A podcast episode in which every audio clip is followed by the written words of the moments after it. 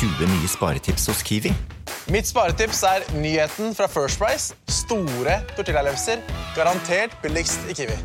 Nå får du First Price store tortillalefser til 29,90, First Price kjøttdeig av svin uten salt og vann til 29,90 og mange andre First Price-nyheter hos Kiwi. En podkast fra Podplay. Quiet, quiet, quiet. You are a rude, terrible person. Velkommen! Mitt navn er Eirik Bergesen, og det jeg ønsker velkommen til i dag, det er ikke det store bildet som vanlig, men det er en spesialserie som vi begynner med i dag. Den heter Trump-tirsdag. Ja, det er rett og slett et svar på det dere ønsket, kjære lyttere. Dere ville ha mer om det amerikanske valget. Vel, da legger vi på en ekstra episode. Vi holder på fram til valget er ferdig 5. november, det vil si det skal sikkert telles en del stemmer, og kjenner vi amerikansk politikk rett, så kan det være en del uro eh, og spenning også i dagene og ukene etterpå. Da følger vi med på det også, vi. Eh, og hvorfor kaller vi det Trump-tirsdag og ikke USA-valg spesial?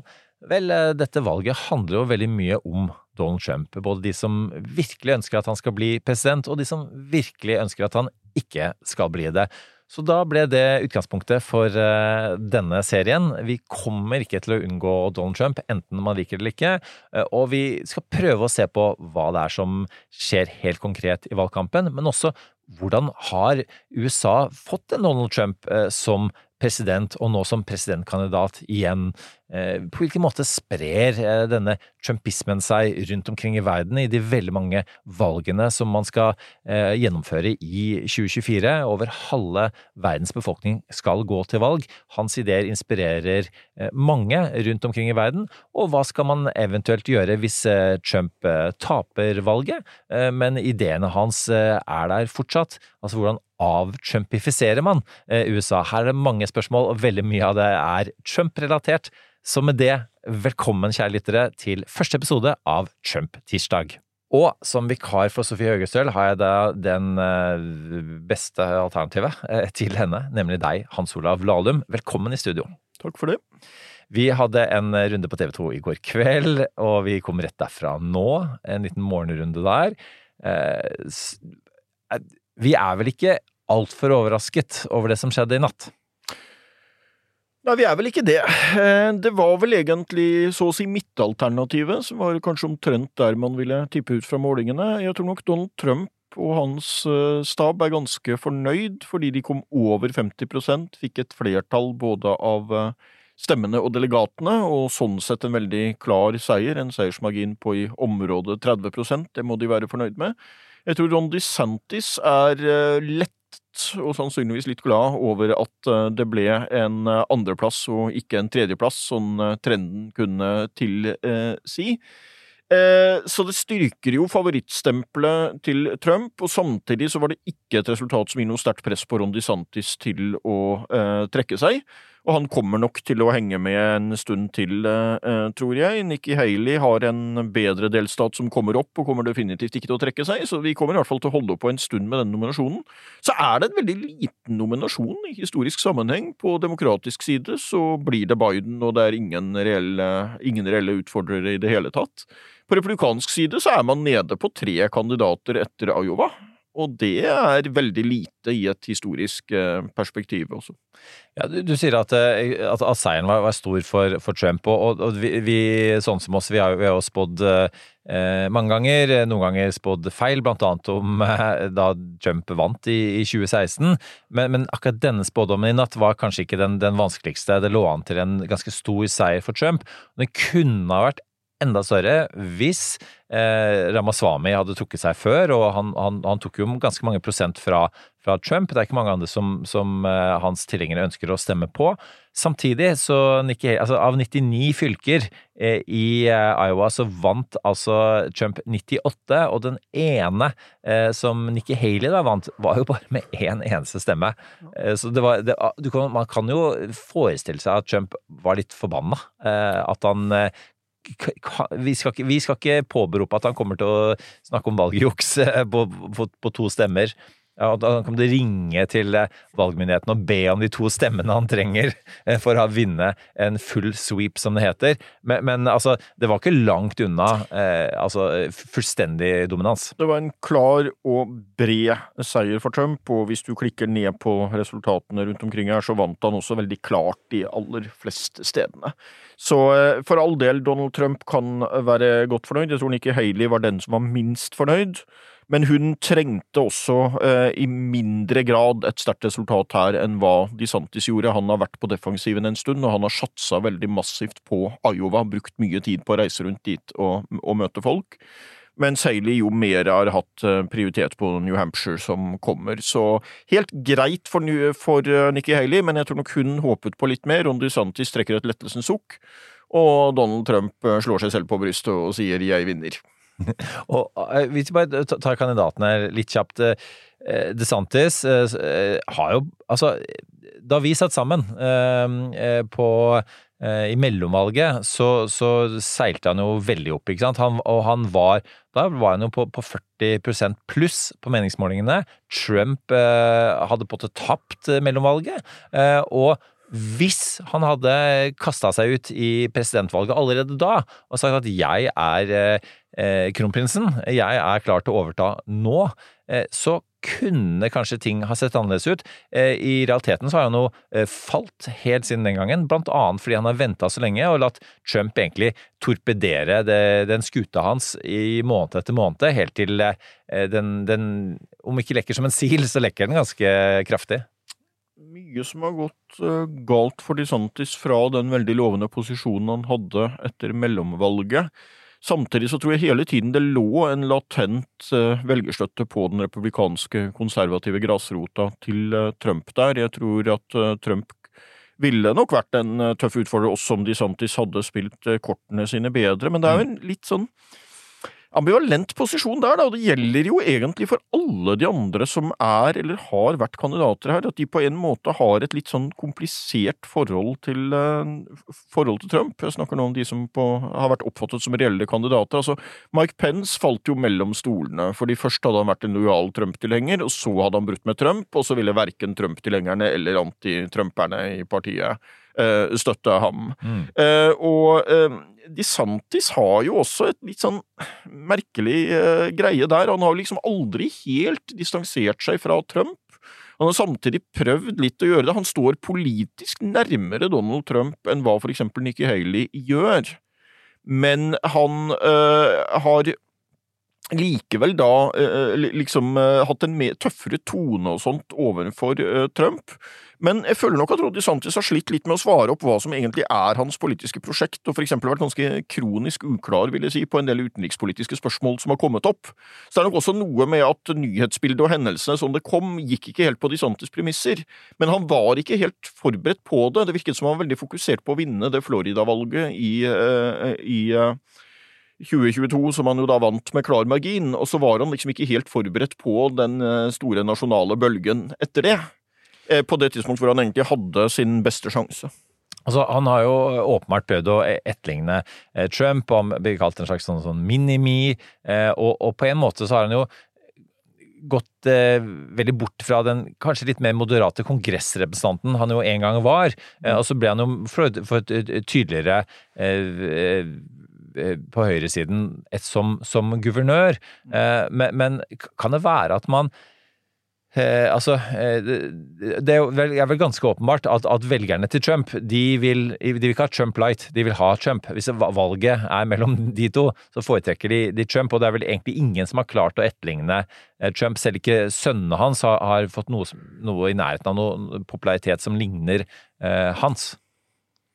Men, men altså, er, altså, er, altså kunne, eh, kunne på en måte DeSantis ha gjort gjort noe annet enn, enn det han har gjort nå? Kunne han på, en eller annen måte, eh, i tillegg til å måte, ja, melde seg på eh, kjappere, eh, altså vært mer kritisk til Trump og vunnet frem på det, eller er gambelen for stor? Da mister han Trumps velgere? Han hadde noen dilemmaer som han åpenbart ikke har truffet helt på. Og han landa på en måte litt på halvdistanse der. Nå tok jo Trump også da ganske tidlig og klart en tøff tone mot DeSantis, da. og advarte jo om at uh, var tidlig ute med å lansere seg og, og, og, og uh, erkjente på en måte at DeSantis var en utfordring, men uh, lovte at han skulle mestre den, og at det kunne komme til å bli stygt når han skulle fortelle sannheten om DeSantis og, alt dette. Og DeSantis har liksom landa litt på halvdistanse her, ikke helt klart å, å finne verken noen klar politisk posisjon eller å få en helt klar posisjon ovenfor, uh, ovenfor, Trump. De er jo nå fra samme delstat også, da. De er jo, representerer jo Florida begge to, da. Trump har jo også meldt uh, flytting dit. Uh, så det er klart, sånn det, De Santis så ut for litt over et år siden til å bli en veldig skummel utfordrer for Trump. Han har ikke klart å følge det opp, men har snarere liksom falt litt bakover hele tiden. Haley lå jo lavt i starten da hun lanserte kandidaturet sitt, har jo klart å bygge seg opp. Men det spørs på en måte om dette kommer litt uh, tidlig uh, for henne. Mitt hovedtips er at hun kan ende opp som visepresidentkandidat for Trump, men der blir da spørsmålet hva Trump ønsker, da, om han vil lete etter en kandidat som kanskje er mindre profilert, men mer lojal. For Haley har også svingt litt frem og tilbake i forhold til uh, Trump. Eh, hvis du går tilbake til eh, 2016, så eh, var jo Haley først tilhenger av Marco Rubio. Mm. Ytterligere en Florida-kandidat, for øvrig. Eh, og så eh, hoppet hun på Ted Cruz-toget da Rubio forsvant ut, og så var hun likevel klar på, når Trump vant, at hun anerkjente seieren hans og stilte seg til disposisjon. Men det har jo vært en kritikk av Haley at hun er noe av en opportunist og snur kappa litt etter, eh, e-, etter vinden. Og så var hun jo FN-ambassadør for Trump i knapt to år, og så forsvant hun ut, og så profilerte hun seg ganske åpenbart for å stille selv. Og så svinger det jo litt frem og tilbake hva hun har sagt om Trump også, da, men nå har hun jo for eksempel sagt at hvis hun blir president og han blir utsatt for kriminelle ting, så vil hun benåde ham, og hun har jo ikke utelukka å stille som visepresidentkandidat. DeSantis har vel sagt rimelig tydelig at det ikke er et aktuelt scenario, men Haley har ikke sagt det. Nei, og Det blir jo interessant å se, fordi eh, det er klart at eh, i utgangspunktet så kan jo både DeSantis og Haley eh, bli presidentkandidater om fire år. Eh, og, i utgangspunktet for så vidt så kan jo også Trump gjøre det samme om han taper igjen. Eh, er, man skal vel ikke helt utelukke det. Så på én måte, og det gjelder jo ofte i, i, i disse primærvalgene, at ja, kandidatene egentlig ikke prøver å bli president engang. Det er enten så prøver de å, å posisjonere seg for, for fire-åtte år fram i tid, eller de prøver å bli visepresidenter, eller de prøver å bli statsråder, eller selge en bok. Men når det gjelder Altså, hvis, hvis Nikki Haley blir visepresident, og og, og, og, det blir et like skandalebefengt presidentperiode som sist for Trump, så kan jo det ødelegge mulighetene til å bli president seinere. Det er vel det hun sitter og lurer på, er det ikke det? Det er det veldig sannsynlig at hun eh, lurer på. På den andre siden nå er Trump også gått opp i åra, og det er mange usikkerhetsmomenter med han, så det å starte en fireårsperiode i 2025 som, eh, som visepresident for Trump vil jo også innebære en viss sjanse for å bli president i, i, i løpet av perioden. Men jeg tror at dette, det vi snakker om nå, er kanskje fra republikanernes ståsted et slags eh, best case-scenario nå, hvis man kunne kombinere de to. Eh, det er en del av Haleys tilhengere, ikke ubetydelig andel, som sier at de ikke har tenkt å stemme på Trump, men da kan tenke seg heller å stemme på Biden. Eh, det er klart at det vil være et stort poeng for Trump å holde de oppe i båten, også for det republikanske partiet. Eh, å kunne appellere til mer moderate eh, republikanere der. Fra demokratenes perspektiv så tror jeg egentlig at man mest ønsker at Haley ikke er der, at hun mer havner i en sånn opposisjonssituasjon innenfor eget parti, som samtidig kan være gunstig for henne hvis hun vil profilere seg, som du sier, på for eksempel neste nominasjon etter Trump. Men eh, demokratene er litt sånn skrekkblanda fryd eller frydblanda skrekk her når de ser på Trumps fremgang nå, fordi Donald Trump er den kandidaten hos republikanerne som gir demokratene best sjanse til å vinne. Biden eh, skulle i 2020 vinne mot Trump, det var oppgaven hans, det klarte han. Nå spiller de litt sånn kvitter dobbelt på at han skal klare det igjen. Hans beste sjanse er å møte nettopp Trump. Biden kommer til å slite mer hvis han møter en eh, talentfull kandidat fra neste generasjon, som Haley da eh, er. Eh, så eh, fra det perspektivet så er det klart at fra demokratenes side så vil man heller møte Trump hvis målet er å vinne valget. Men selvfølgelig, det ultimate marerittet fra demokratenes side, er jo at Trump blir nominert og vinner valget, og at du får en så å si hevngjerrig Trump tilbake for fire år. Ikke sant? Og, men dette var jo noe av det vi var eh, nesten litt uenige om i dag morges da vi satt for å, i, eh, klare for å gå, gå inn i studio på TV 2 sånn i, litt sånn før sju eh, i dag morges. Eh, fordi eh, det er, og det er jo to måter å se på dette på. Altså hvis, eh, eh, på den ene siden, så, så hvis eh, Haley og DeSantis er med eh, en stund videre, så vil jo de kunne angripe eh, Trump, og, og på en måte litt sånn som eh, eh, Bernie Sanders gjorde mot, mot eh, Hillary Clinton og så videre, og for så vidt også mot eh, Biden. Eh, eh, samt, eh, og, og samtidig, så hvis de trekker seg tidlig, så vil jo Trump få mindre oppmerksomhet rundt primærvalgene, og han det vil Biden kan måtte sentrere seg, fokusere seg på Trump. Og, og for så vidt også de to andre vil heller ikke kunne kritisere Biden på en kanskje mer treffende måte enn det Trump gjør. Er det noe der? Ja, det er litt vanskelig å si det der. Altså, historisk så har det vel ikke vært noe veldig god, godt tegn at man liksom har måttet slite mye for å vinne nominasjonen og har møtt mye motstand i egne rekker der, og så å si en vedvarende motstand og en mobilisering mot en i egne rekker.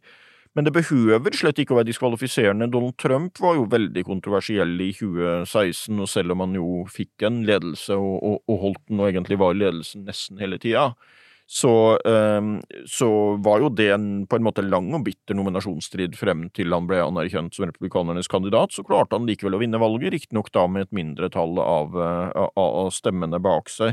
Men det finnes jo for eksempel noen historiske eksempler, hvis du går tilbake. Det klart eh, det at Gerald Ford i 1976 ble utfordra av Reagan, så tapte han valget mot Carter etter det, etter å ha ligget veldig lavt på målingene, men klarte å ta igjen en del da han eh, endelig var klar som kandidat. Jimmy Carter i sin tid ble utfordra av eh, Ted Kennedy i 1980 og gikk på et Mm. klart nederlag mot Reagan etter at han hadde fått en, blitt klar sein i, i nominasjonen. Men eh, vi får nå se. Barack Obama hadde jo en lang og hard strid mot Hillary Clinton, men, men, men, eh, kom jo på en måte styrka ut av det. Så det er, det er, det er ikke noe fasitsvar på, på det der. Men jeg tror nok at på en måte kan du si at Trump og Biden trenger hverandre, for jeg tror også Trump er i hvert fall i eget hode mer bekvem med å gå opp mot Biden enn det han ville vært med å gå opp mot kanskje en yngre eh, demokrat eh, med, med en annen forhistorie. Sånn.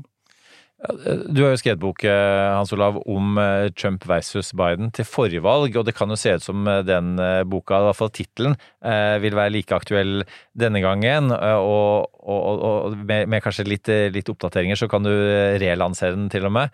Men er vi der nå at det, det, det etter all sannsynlighet blir Trump-Biden? Det er det mest sannsynlige. Hvis jeg måtte sette penger på noe nå, så hadde jeg definitivt satt på at det ble en omkamp mellom de to. Det er jo veldig betenkelig, da, for det var jo den klart eldste feltet med to kandidater noensinne, var jo forrige gang, og så skal du ha de to samme mot hverandre nå. Men der er det en dobbeltmoral hos velgerne også, fordi hvis du spør velgerne i USA, så svarer de prinsipielt at en presidentkandidat bør ikke være for gamle, man bør være yngre, ha god helse og, og, og eh, stor arbeids kraft og energi og sånt. Og så når de skal bli bedt om å rangere hvilke kandidater som er aktuelle, så kommer de med veldig mye gamle kandidater. Så det er en dobbeltmoral hos, hos velgerne også der.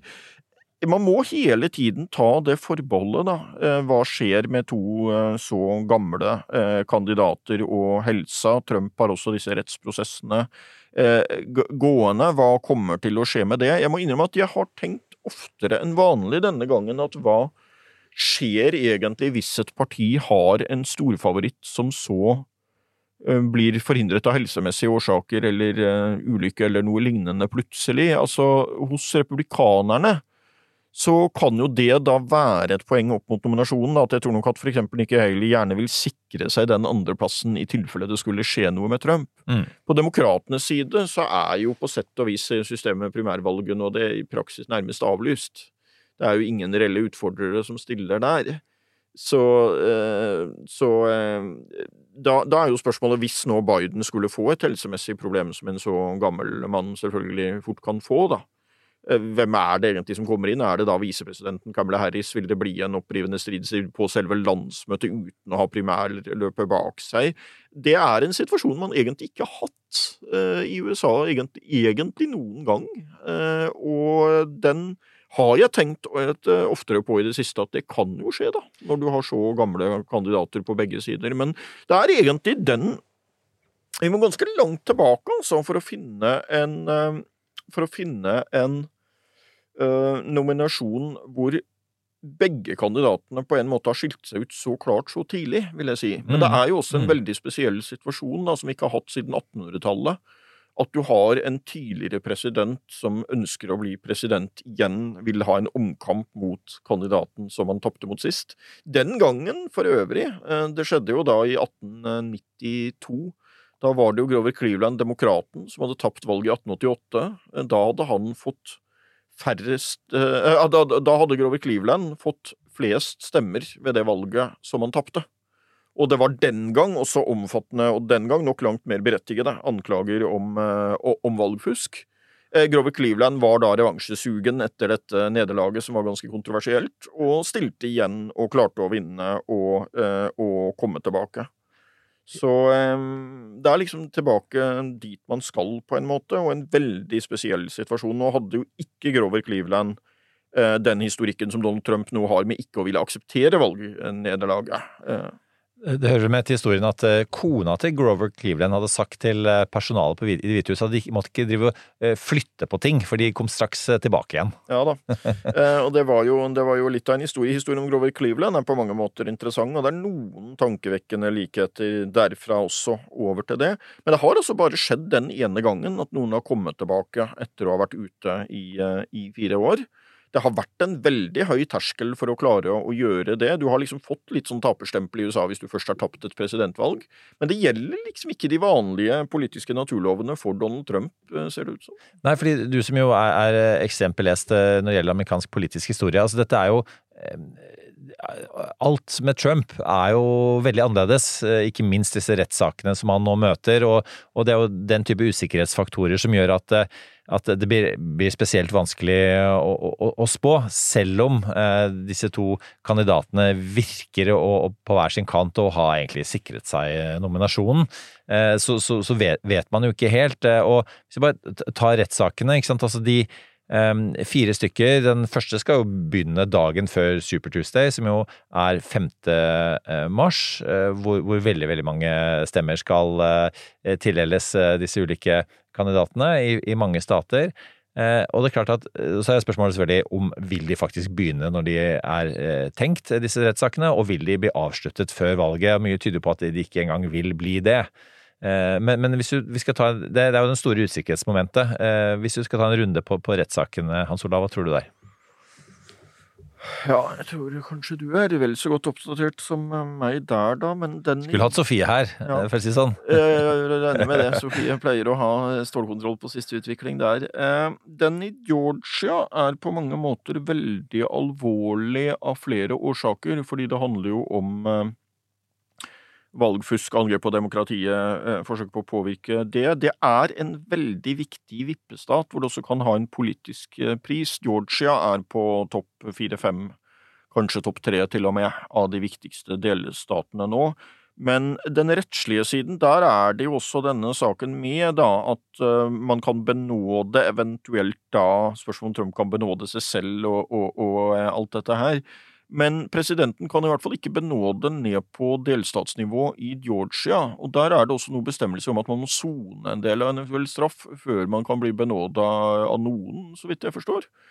Så den er en potensielt veldig skummel sak, og så er, den, så er det jo den store saken da om eh, stormingen av Kongressen, eh, og, og, og det er jo der det store ligger. Altså, jeg er frista til å si det så sterkt. Jeg, jeg tror ikke at det vil foreligge noen endelig dom i noen av disse sakene før utgangen av 2024. Det tviler jeg på. Det systemet her tar tid og ankemuligheter og det ene med det andre, og som du er inne på, litt usikkerhet om tidslinjene og når man i det hele tatt starter opp og sånn. Men hvis du går et par år frem, så er jeg frista til å si at i 2026 så er Donald Trump enten i Det hvite hus eller i et fengsel. Jeg tror det er veldig sannsynlig at det vil ende opp med fengselsstraff for noen av disse eh, dommene her. Og så er det også et element til der, og det er jo at Trump har, sliter jo med å kontrollere temperamentet og overholde påbudene han får fra dommere om ikke å uttale seg om saker og, og, og, og, så videre. Så der er det også en usikkerhet. Det har jo vært en kritikk av det, om man ikke egentlig burde vært fengsla for det som er forakt for retten og sånt nå. Det kan også bli et stridstema utover i, uh, i år. Så rettssakene er der, de er et veldig krevende bakteppe. Vi er klar over at uh, det også i Bidens familie er, uh, er dramatikk knytta opp mot rettsvesenet. Men det er jo da den forskjellen at det er knytta til uh, Bidens sønn, og i hvert fall foreløpig ikke direkte opp mot Joe Biden selv, selv om det på republikansk side jo er anklager om at det er forgreninger dit. Ja, og, og, det må jo en, en, sånn type bevis på det må jo på plass før man kan, kan se for seg en, en reell riksrettsprosess eh, der. Jeg kan bare, bare ta en sånn, en sånn, kjapp oversikt eh, for de som ikke har det helt under huden. Eh, du har den ja, 4. mars, ikke sant, rettssaken eh, mot Trump om planen om å overstyre valget. 25. mars, rettssaken om hysjpenger til en pornostjerne. 20. mai om ulovlig dokumentoppbevaring på Mar-a-Lago, og 4. august om valgpåvirkning i, i Georgia. Og så er jo alle disse rettssakene ventet å ta minimum et par måneder, og så vil da dermed trolig ikke den juridiske kampen være over før selve valgdagen. Og så er det jo muligheten til at Trump som president eventuelt da eh, rett og slett eh, suspenderer eh, videre rettsprosesser, eh, rett og slett. Eh, så, men, men her, her, vet vi jo ikke dette, Apropos eh, si, historisk Altså, dette er jo Hvis, hvis hva, hva, skal man gjøre? Hvis, hvis Trump intervenerer, skal Høyesterett eh, si fra? Hvis Høyesterett sier fra, skal, skal Nasjonalguiden gjennomføre altså, ikke sant? Det, og den, den, den allmektigheten til, til, en president vil virkelig bli satt på prøve. Eh, og det er jo for øvrig en av de tingene som, som Trump eh, som, som Høyesterett nå ser nærmere på når det gjelder Trump, altså det med presidentimmunitet. Har du, som, som, man sier i, i, eh, som Richard Nixon sier i, i traileren på et, vignetten til dette radioprogrammet her, denne podkasten, har, har, har presidenten all makt, eller ikke? Ja, det er noen interessante uh, ting der juridisk også. Vi er på litt upløya mark, blant annet på dette her med presidentens mulighet til å benåde seg selv. Det finnes jo én mulighet til da, det er klart at, og den har vi jo fått litt svar på da, hvis du tenker deg at Nikki Haley nå skulle bli kandidat på en eller annen måte og vinne presidentvalget, så kan hun komme til å benåde Trump. Da er han verken i fengsel eller i Det hvite hus om to år. Men jeg tror kanskje det er det minst sannsynlige eh, scenarioet her. Høyesterett, der eh, var det jo en klar konservativ dreining under Trump, og det er jo en ting å tenke over dette her, altså med at uh, dommerne i såpass stor grad utnevnes på et uh, politisk grunnlag, og så kan sitte der og ta avgjørelser som er veldig viktige både om valget og, og presidenten og, og, og sånt. Um, Trump hadde vel større forventninger enn det han har fått oppfylt på hvor lojale dette flertallet i Høyesterett skulle være til han. Sånn sett kan du si at uh, institusjonene i USA ennå har holdt brukbart. Der var han jo også skuffet, fordi han håpet jo på å få en sak for Høyesterett i forbindelse med oppgjøret og disse anklagene om at han var utsatt for valgfusk og det, som bare ble avvist og ikke engang ble, ble behandlet man kan si hva man vil om politiseringen måte, av, av, rettsvesenet i USA, men, men, det er klart det er nå engang det systemet det er, og, stort sett har jo, har jo dommere, enten det er Høyesterett eller, eller, i delstatene, eh, vært eh, tross alt på jussens side, selv om juss kan tolkes. Eh, og, og, når det gjelder eh, Eh, gjelder, gjelder, den eh, altså dommen, abortdommen som ble opphevet, så var jo det, også det en veldig eh, kritisert dom, eh, Roe versus Wade, eh, som til og med Ruth Bader Ginsburg kritiserte veldig eh, i sin tid før hun ble høyesterettsdommer, og, og litt, litt etterpå også. Så, så, men spørsmålet om det å på en måte altså, la Trump benåde seg selv, osv. Eh, det, det, det, er jo ikke gitt at eh, selv de konservative dommerne som han utpekte, vil støtte han i det, hvis ikke de finner et, et strengt juridisk grunnlag for det. Nei, og der har du jo den balansevekten på en måte på dette er jo liksom at nå er de jo utnevnt. Altså Han kan jo ikke fjerne de. Nei, det er ikke det. Ja. sånn at når de først er utnevnt, så skal de jo da ha den integriteten at de ikke lenger er avhengig av noen støtte eller renominasjon eller noe fra presidenten eller noen andre, og at de sitter på livstid. Eh, Så eh, vi får nå se, da. Det Jeg syns vel at Høyesterett alt i alt har eh, tålt den testen ganske godt, og at de scenarioene man kunne frykte der, ikke har slått til. Men det er klart at det vil være et stort press på de også, og det skal man huske, at det er jo også en voldsomt folkelig engasjement der ute, så for eksempel det at det da er trusler mot medlemmer av familien til eh, høyesterettsdommere og dommere på ulike nivåer og, og, og, og, sånne ting. Det er veldig, veldig sterke følelser der ute for og mot Trump. Og skal man gi Donald Trump noe på fornyelse av demokratiet i USA, så har det jo absolutt vært mobiliserende. Det var rekordhøy valgdeltagelse i, eh, i eh, 2020. Trump var jo veldig opptatt av at det var flere som hadde stemt på han enn på noen tidligere eh, eh, sittende eh, president. Det var jo for så vidt riktig, men det var jo enda mange flere som da hadde stemt mot han. Ikke sant? Så han mobiliserte jo på begge sider. Han mobiliserte jo tilhengerne, og så mobiliserte han veldig mange motstandere. Ja, og, og, og det er vel, hvis vi skal på en måte se fram mot den endelige valgdagen, det er vel det som må- er, er eh, Bidens eh, kanskje eneste gjenværende trumfkort, gitt at jo, altså han, han har har fått til en, en, en del ting eh, når det gjelder disse lovpakkene sine, infrastruktur, Inflation Reduction Act osv., eh, men, men, men i en veldig polarisert kongress så, så, så er ikke det så lett heller. Eh, og så er han jo helt åpenbart eh, alderdomssvekket. Eh, Men eh, en måte det som skaper energi hos, hos demokratene fortsatt, er jo eh, det å forhindre en andre valgperiode for, for Donald Trump. Så får vi se om det, om det er nok, da. Eh, Men, men til syvende og sist så handler jo dette her, Hans Olav, om hvem som klarer å mobilisere eh, nok eh, stemmer blant sin egen, sin egen grasrot, da.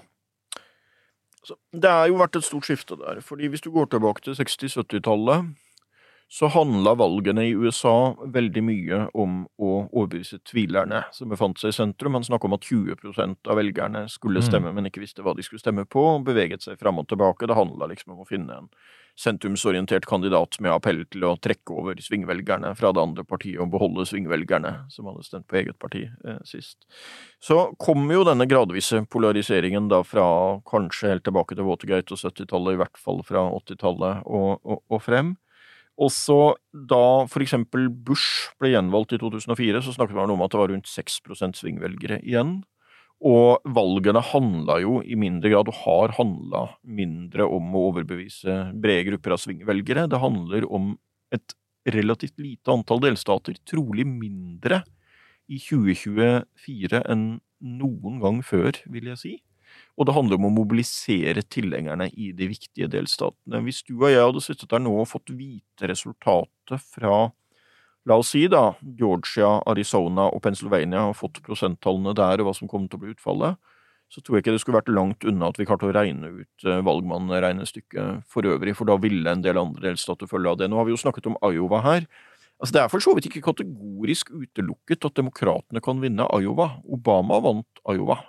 Det er, det er ikke lenger tilbake. Det var en stat det var litt spekulasjoner sist om også, men den kommer ikke til å avgjøre, fordi hvis demokratene vinner Iowa, så har de vunnet nok andre stater lenge før det Mm, til, mm. å, eh, til å vinne valget. Og til, til, tilsvarende hvis republikanerne da taper Iowa, så har de uansett uh, tapt valget.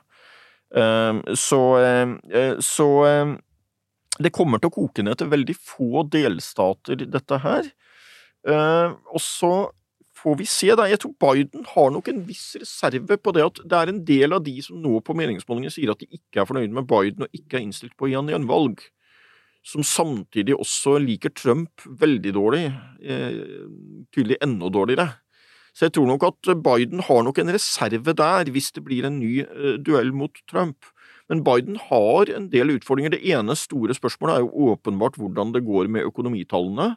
Så har du denne problemstillinga med eh, grensekontrollen og innvandringsspørsmål, som Trump jo inntar ganske ekstreme standpunkter på, men hvor det helt klart er sånn at Biden sitter sårbart eh, eh, til med situasjonen sånn den er. Og så har du fått denne siste runden med Midtøsten, som også er kinkig for Biden, på den måte at det er en sånn sak som kan få en del av de som ellers ville stemt på han, til ikke å stemme på han. Mm, Altså, det mm. er eh, jo bred støtte til Israel tradisjonelt i begge de store partiene i USA, men hos demokratene så er det en ikke ubetydelig eh, gruppe av sånne ikke-sikre velgere som, eh, som eh, eh, som har stor sympati for palestinerne i den situasjonen som er kommet opp nå. Det kan koste han noen titusener av velgere her og der i noen eh, stater som kanskje kan bli viktige. Og vi kan også han viktig vippestaten Michigan med over 280 000 muslimer i den eh, staten. I tillegg til Michigan så er det jo eh, det er vel Wisconsin, Pennsylvania, Georgia, Arizona og Nevada som er de, på de seks viktigste vippestatene. Og per nå så har jo Trump ledet i fem av seks av de, og, og betegnende nok så er det Wisconsin eh, som, eh, som Biden fortsatt har hatt en ledelse. Den er, den er veldig hvit, men mens Nevada, som er veldig multietnisk, har plutselig gått mot, mot Trump. Og, og, og, her er det liksom sånn altså Både litt unge velgere og en del som minoritetsvelgere har faktisk gått mot Trump. Hans Olav, du har sett en viss velgerbevegelse der. Hvordan forklarer du det? Det er jo et av de store spørsmålene, hvordan det der vil være, da. Altså eh, I hvert fall hvis det varer. Ja. Republikanerne har jo tradisjonelt dominert blant de hvite velgerne og hatt styrken sin eh, der, da, i hvert fall hvis du går eh, et overkommelig antall år tilbake. Litt, eh, hvis du går 100 år tilbake, så er det annerledes, men hvis du går 30 eller 40 år tilbake, så har jo, har jo det vært trenden. Eh, og da Trump vant i 2016, så vant han på mange måter med en forelda strategi med å appellere til den på en måte hvite middelklassen, som da var en mye mindre andel av velgerne enn det de hadde vært eh, eh noen tiår tidligere. Men han vant jo da også med et mindretall av stemmene, og han vant, som du var litt inne på her, på grunn av nettopp noen sånne delstater, da, litt sånn rustbeltestater, som han vant med relativt knepen margin. Wisconsin var jo et sjokk i 2016. Den var jo regna for å være en relativt trygg demokratisk stat, i hvert fall ved, ved, presidentvalg, så det var jo en av de virkelig store overraskelsene eh, der. Så har landskapet endra seg en del på dette med trygge stater. Hvis du hadde gått tilbake, vi husker jo alle 2000, da det var noen hundre stemmer i Florida som avgjorde hele presidentvalget for Bush mot Gore. Eh, så sa vi en stund at Florida var den viktigste vippestaten, så ble det Ohio. Nå er begge de to relativt trygge mm. republikanske stater, slik det fremstår nå. Igjen da, ok, Demokratene kan håpe å vinne Florida, det har vært noen jevne guvernør- og senatsvalg der. Men hvis demokratene vinner Florida, så har de kontroll på valget uansett i forhold til eh, når, det er snakk om presidentvalget. Eh, men så er det altså noen delstater som har gått andre vei enn Virginia, eksempel, og utvikla seg til å bli en sånn relativt trygg demokratisk stat mm. etter å ha vært helt i vippesonen. Så en del av de statene som man liksom regna for veldig spennende, har nå på en måte blitt mer erklært og glidd over mot den ene siden. Så har du fått noen nye stater, for eksempel Georgia og Arizona, som man ikke oppfatta som vippestater hvis du går bare 10 eller 15 eh, år tilbake, mm. men som nå liksom er akkurat der. Så jeg, kanskje, kanskje, de tre viktigste, tenker jeg faktisk nå, er eh, Georgia, Arizona og Pennsylvania, men jeg er helt enig i de andre du nevnte der, at det er også delstater som kan komme til å bli helt avgjørende. Jeg tror Biden kommer jo delvis fra Pennsylvania.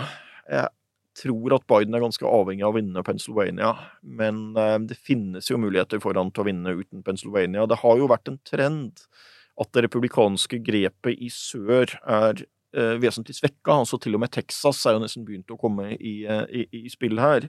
Og det er klart at det at Arizona og Georgia glapp sist, det var et veldig stort nederlag for Trump. Og der har jo også trenden på, trenden på mellomvalg og sånt senere har jo tyda på at det ikke bare var et blaff, da. Og i Pennsylvania har du den ganske populære guvernøren Josh Shapiro, og du har John Ferman også, som, som sitter som senator der, derfra. Eh, så han burde jo vinne Pennsylvania. Men hvis vi spoler helt fram til eh, amerikanerne faktisk putter eh, stemmeseddelen i urnen, og selv sånne som oss vil jo ikke kunne spå en, gang på valgdagen, altså meningsmålingene da, vil vi, det vil jo uansett være jevnt. Men hva tror du vil avgjøre til syvende og sist? Det er mange saker, du har nevnt økonomien, abort er jo en av de, grensene har du også nevnt, Hans Olav. Um, utenrikspolitikk har, har, ikke alltid den største rollen i, i amerikansk politikk, men nå, nå, er det jo to store kriger der ute. Um, hva tror du kommer til å avgjøre, og, og, og hvem uh, sitter igjen som president 5. november, dvs. Si kanskje noen dager senere? Hvis jeg måtte sette penger på noen som vinner av presidentvalget nå, så hadde jeg satt de på Biden, men det er stor usikkerhet. To uh, gamle kandidater, uh, og mange ulike scenarioer som kan slå inn der. Jeg tror at hvis økonomitallene får en positiv utvikling utover i 2024, så vil det bedre Bidens sjanser veldig, og da tåler han kanskje øh, at det er noe misnøye på utenrikspolitikk og, og, og, litt andre ting. Det med abort, som du nevnte, det er jo i utgangspunktet her en veldig god sak for demokratene, i hvert fall hvis du snakker om de fleste av de viktige vippestatene. Mm. Um, og der har det jo vært en relativt stabil situasjon over tid, hvor det er sånn 60-65, eh, kanskje opp mot to tredeler av velgerne som støtter selvbestemt abort i, uh, i en eller annen form. Da. Det er litt uh, ulikt hva man ønsker der, men der har republikanerne vunnet en seier, da. Med å få oppheva Roe vs. Wade og, og, og, dette og støtten fra Høyesterett der og sånt som i forhold til valget nå kan komme til å koste dem dyrt. For den saken har i hvert fall i de viktigste vippestatene klart størst potensial på demokratisk eh, side. Og det er jo aldri én faktor alene som avgjør et valg, men, men hvis man går tilbake og ser de, de forskjellige, forskjellige, mellomvalgene som har vært, uh, alt fra si, statsadvokater til, uh, til uh, kongressmedlemmer osv., så, videre, så så er jo abort kanskje vært det som har vært mest sentralt, tross alt. Men det mellomvalget for to år siden, som jo var interessant oppi dette, hvor det så ut og så veldig dårlig ut for demokratene mm. på forhånd, men så holdt de, økte til og med flertallet sitt i Senatet, og, og gjorde det mye bedre enn venta i Representantenes hus, selv om det ble et kneppent flertall for republikanerne. Der var jo også et gjennomgående mønster at Trump vant nominasjonen, men tapte valget. Og det spørs om den overskriften kommer til å bli stående igjen, da. For der var det jo, i flere av de viktige vippestatene der, så var det jo ganske svake, litt ekstreme kandidater som Trump liksom hadde leid fram til nominasjonen og sagt at dette er personen som skal vinne valget for oss, og så tapte vedkommende. Så det er en del uro på republikansk side over det, altså at vi kan gå på samme smellen igjen. På den andre siden, senatsvalget nå, som jo havner i skyggen av presidentvalget, den er krevende oppstilling for demokratene. Det er få nye, veldig få nye muligheter de har til å overta noe republikanerne har, og de har flere utsatte eh, mandater der. Så det er også fullt tenkbart scenario at Biden blir gjenvalgt, men at eh, republikanerne klarer å overta Senatet, og at han da får ytterligere innskrenka handlingsrom. Mm. Den aller siste spådommen, eh, Hans Olav. Hvis Biden må trekke seg av helsemessige årsaker, og, og det den situasjonen oppstår på Demokratenes landsmøte, og de da har muligheten til eh, å bytte han ut. og Du får ikke den eh, vanlige primærvalgrunden, eh, men vil da de gå til, til Kamala Harris, eller kan man se for seg en annen kandidat? F.eks. Gretchen Whitmer, som, som tallene foreløpig viser vil ha større valgpotensial enn Harris veldig vanskelig å si. Det kommer an på akkurat når det skjer og hvordan situasjonen er. Kamala Harris var jo en man hadde stor tro på for fire år siden. Jeg var litt kritisk da også. egentlig hele tiden. Jeg husker det, ja. ja jeg har egentlig hele tiden vært Det var også en rar prosess, fordi Biden venta og venta og venta og venta med å offentliggjøre visepresidentvalget sitt, og da han endelig liksom trakk det opp av hatten, så trakk han opp den som alle sammen hele tiden hadde sagt at var det trygge valget, eh, liksom. Altså så lenge at det kom til å bli en kvinne, men han vil ikke si hvem. Ja. Uh, nei, det var, det var, mye frem og tilbake, og mye som tyder på at han kanskje egentlig ønsket seg Gretchen Whitmer eller en annen kandidat, men det var jo mange ulike hensyn å ta der, og mange kryss på riktig side for Kamala Harris den gang. Hun har jo ikke slått til som visepresident, og det er også noe som kan bli en hodepine for demokratene her, fordi hvis republikanerne stiller med Nikki Haley og demokratene stiller med Kamala Harris, så har republikanerne nok den uh, mer offensive visepresidentkandidaten. Uh, nå, nei, jeg har ikke noe klart uh, svar på det. Jeg tror det er vanskelig å forbigå den sittende visepresidenten i en sånn situasjon, mm. men det er akkurat spørsmål hvor svakt står man da? Kamala Harris ville ikke vunnet hvis det hadde vært en nominasjon uten Biden nå. Da er det andre kandidater som ville vært foran. Og hvem er type forberedt på denne situasjonen? Hvem av Det er noen flere guvernører som kan være aktuelle her. Men ikke så mange senatorer, får man litt inntrykk av. Altså Det er mer på guvernørnivå. Ja, Josh Shapiro, for eksempel, ja. fra, fra, Pennsylvania.